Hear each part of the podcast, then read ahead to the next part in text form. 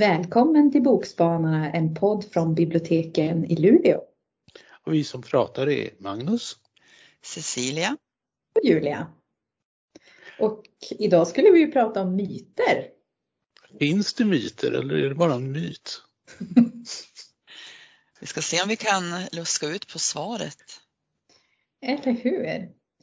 Eh, och en myt det kan ju vara en uppdiktad historia, eller hur?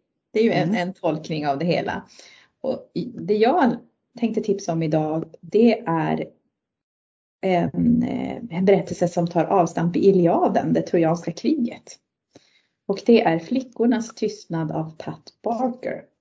Och i den här då är det offren, de tysta kvinnorna och flickorna, de tar plats i den här versionen. Kvinnorna på förlorarnas sida, det som tas som krigsbyte. Och då får vi följa Brises, ett kungagemål som ges som hedersgåva till Akilles efter att den har dödat många män när hennes stad föll, när grekerna anföll. Hon såg honom brutalt slakta sina bröder och hennes make. Hon hamnar i ett tältläger då utanför Trojas murar och en belägring som är inne på sitt tionde år. Så att de, de tar god tid på sig. Eller vad ska man säga att de inte ger sig då om de håller på i tio år. Ehm, och här i berättelsen berättas det om kvinnorna som sörjer, som tar hand om skadade och tvättar de döda, de som hotas av våldtäkt, slaveri och fråntas sina barn. Ehm, och det är ju inte krigarens ära. Akilles är ju ingen ärofylld hjälte utan det kallar honom en slaktare. Och det är smutsigt, sjukdomar flödar, en blandning av överdåd med alla krigsbyten och snusk. Det är blodigt, brutalt och fullt med råttor och människor behandlas som boskap. Och Brises har eftersom hon är ung och vacker mer tur, om man kan kalla det så, än många andra. Eftersom hon ges till Akilles så finns det i alla fall mat. Och hon blir inte gruppvåldtagen. Delas ut bland flera som de liksom blir tilldelade i soldatbarackerna. Männen de krigar, slåss, super och våldtar. Och historien skrivs ju av vinnarna. Och Brises är en överlevare. Hon har inga illusioner om sitt öde och vi får se Akilles ur hennes synvinkel. En man som förlorat sin mor. Hans nära relation till vännen Patroklos och hur hans stolthet leder till hans fall.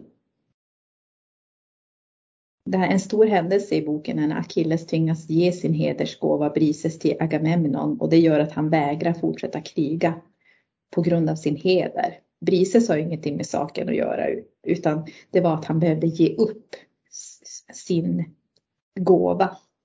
Och det här gör ju att grekerna gör stora förluster och för Brises förändras hennes situation och blir mer utsatt och hon tillbringar delar av sina dagar med att hjälpa till i sjuktälten och på kvällarna genom att servera vin till Agamemnon och hans gäster för han vill ju visa upp att han tagit över Akilles hedersgåva.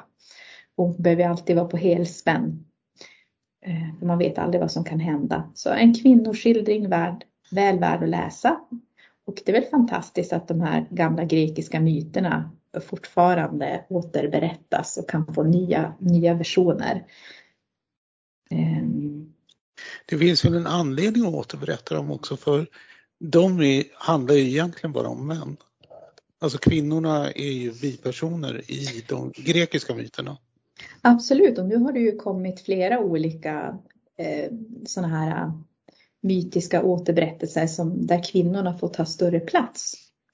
Eh, och vill man läs, fortsätta läsa mer om Brises då har det kommit nu en ny, en fortsättning som heter The Women of Troy som kom tidigare förra året, men jag har inte hunnit läsa den ännu. Men, men det kommer, den finns på att läsa-listan. Så myter är någon slags återerövrande av historien? Mm, det är ett sätt att se på det faktiskt. Så kan det vara. Jag har valt att ta ett litet annorlunda, eller ett annat grepp i alla fall om temat myter och jag har läst eh, läkaren Stefan Rössners eh, bok som heter just eh, myter men han tar ett, eh, han har i fokus myter om mat mm. och tar upp ett 50-tal olika eh, mer eller mindre typiska myter som vi, många av oss garanterat har hört talas om. Eh, till exempel då att eh, man får inte bada direkt efter maten, eh, att man får huvudvärk och finnar av choklad, att juice... Får man inte det? han, han, eh, de flesta påståenden här så, så, kan man nog säga att det är rena myter. Eh, man får inte huvudvärk och finnar av choklad specifikt. Eh, och att juice är nyttigt är också en rubrik som han har. Och den slår han också hål på genom att kalla juice för sockervatten. Som det är egentligen ingen större idé att dricka ni hör, hårda ord. Det är ju gott. eh, varför ska man dricka Coca-Cola om man inte ska dricka sockervatten? Exakt. Sen har han ju en annan rubrik som handlar om att det, det är inte bra för magen att dricka bubbelvatten.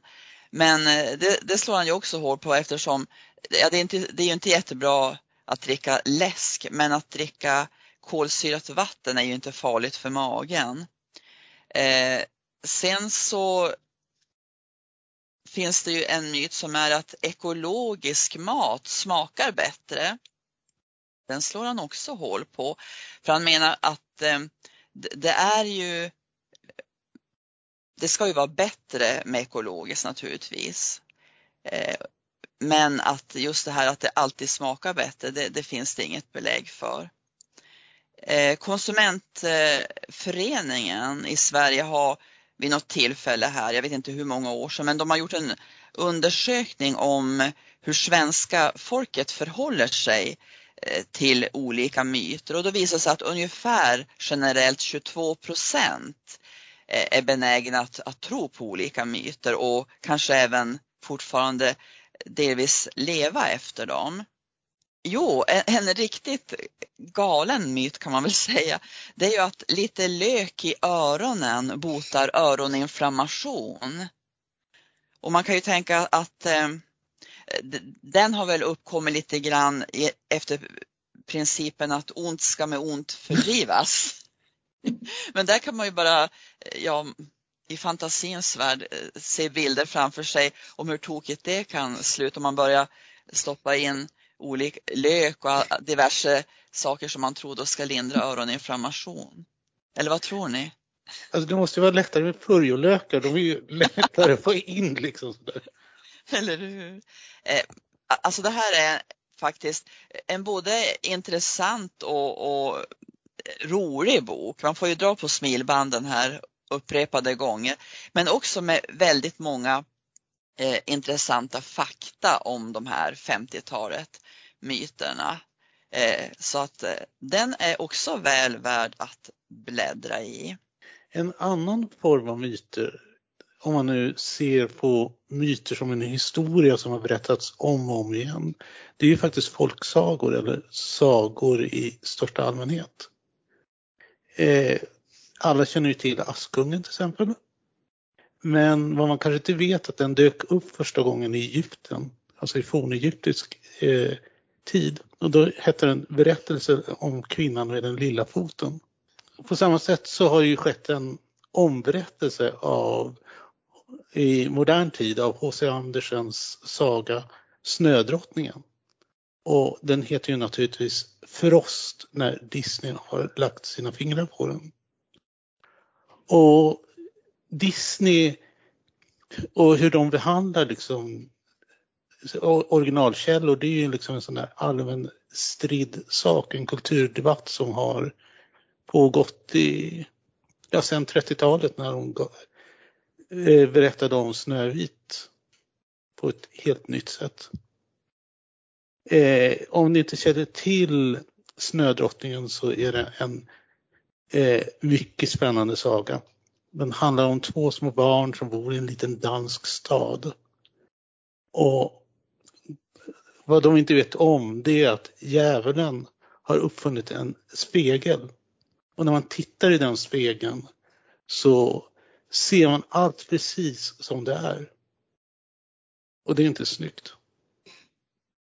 Och de småjävlarna de är jättestolta över spegeln så de liksom far upp med den för de ska eh, visa den för Gud.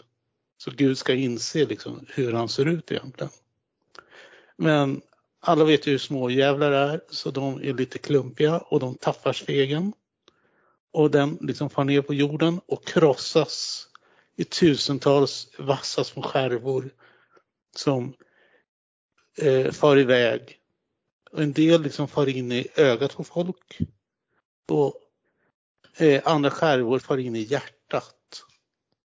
Och det gör de ju på eh, den lilla pojken som är huvudpersonen i, eller en av huvudpersonerna i Snödrottningen. Och då fryses hans hjärta till is.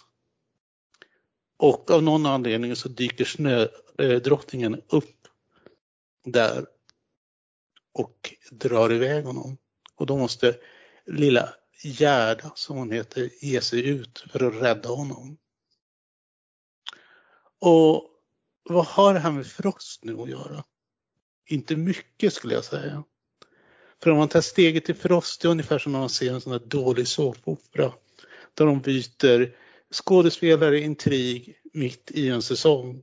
Helt plötsligt är allt helt annorlunda. Men det tycker jag det kan få vara. Jag tycker Frost är en bra barnfilm. Då kan du ju berätta, vad är det som är bra med den? För eh, det finns inte någon Gerda med i, i den, utan det är Elsa. Nej, Elsa och Anna. Nej, men jag tycker att det är en bra film. Det är ju systerskap. Och det är tjejerna som är huvudpersonerna i berättelsen. Och det är bra med äventyr och bra sånger. Underhållande både för barn och vuxna. Det som är intressant också att det är en av de få kommersiella barnböcker som är utgiven på samiska. Och eh, filmen finns då till och med dubbad på samiska. Absolut, det är ju Frost 2 ja. Mm, eller Frost 2. Eh, jag glömmer bort att jag pratar med en expert. Jag har experten hemma. Så jag jag har lärt mig genom Och det är väl det som är lite märkligt att det är på något sätt Elsa hon har tagit snödrottningens eh, plats. Därför hon, om jag kommer ihåg rätt, så blir hon jättearg och så liksom förvandlar hon saker till is. Så hon liksom blir satt i exil liksom där hon bor i ett litet slott. Men sen kommer hon ju överens med sin syster och det finns en rolig ren som heter Olav. Eller han heter Sven. Olof är snögubben. Olav är snögubben ja. Och det är här när det börjar bli verkligen märkligt.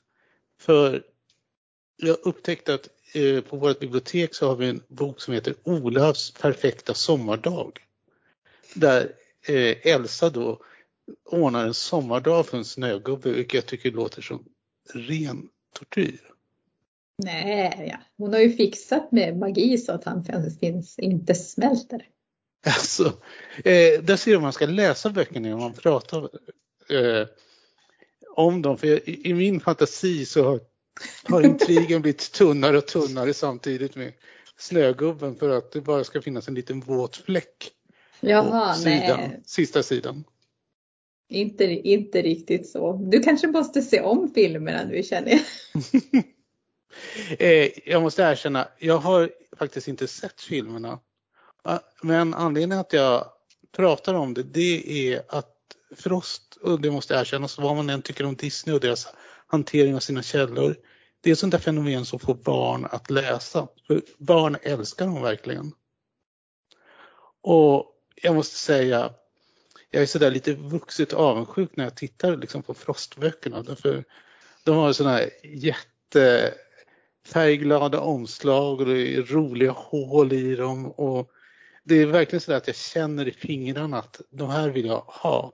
Jag skulle vilja ha en vuxen variant naturligtvis. Jag kan ju inte läsa om snögubbar utan det ska vara om, jag vet jag, skatteplanering eller aktieinköp och sånt. Eh, och här måste jag erkänna att jag helt har tappat tråden. Men det är ju det som är bra med myter, att man kan ju liksom fylla på lite som man vill. Och så helt plötsligt har det gått från eh, den här kvinnan med den lilla foten över till snödrottningen, in i Frost och kanske något helt annat som vi inte känner till. folksagor lever för alltid. Absolut. Då tänkte jag bara säga att, att eh, Anna, systern som inte har några magiska krafter, hon är ju den stark, starkaste. Hon följer sitt hjärta. Även fast hon inte har några magiska krafter som de andra. Och det är också en fin del av berättelsen. Mm. Så det är inte bara Elsa, Elsa, Elsa utan nu kör vi Anna, Anna, Anna. Och det är väl det man egentligen ska göra. Oavsett om det är myt eller inte så ska man följa, följa sitt hjärta och läsa det man vill. Eller hur? Ja. Då ska vi se. I det här avsnittet tipsade jag om Flickornas tystnad av Pat Barker.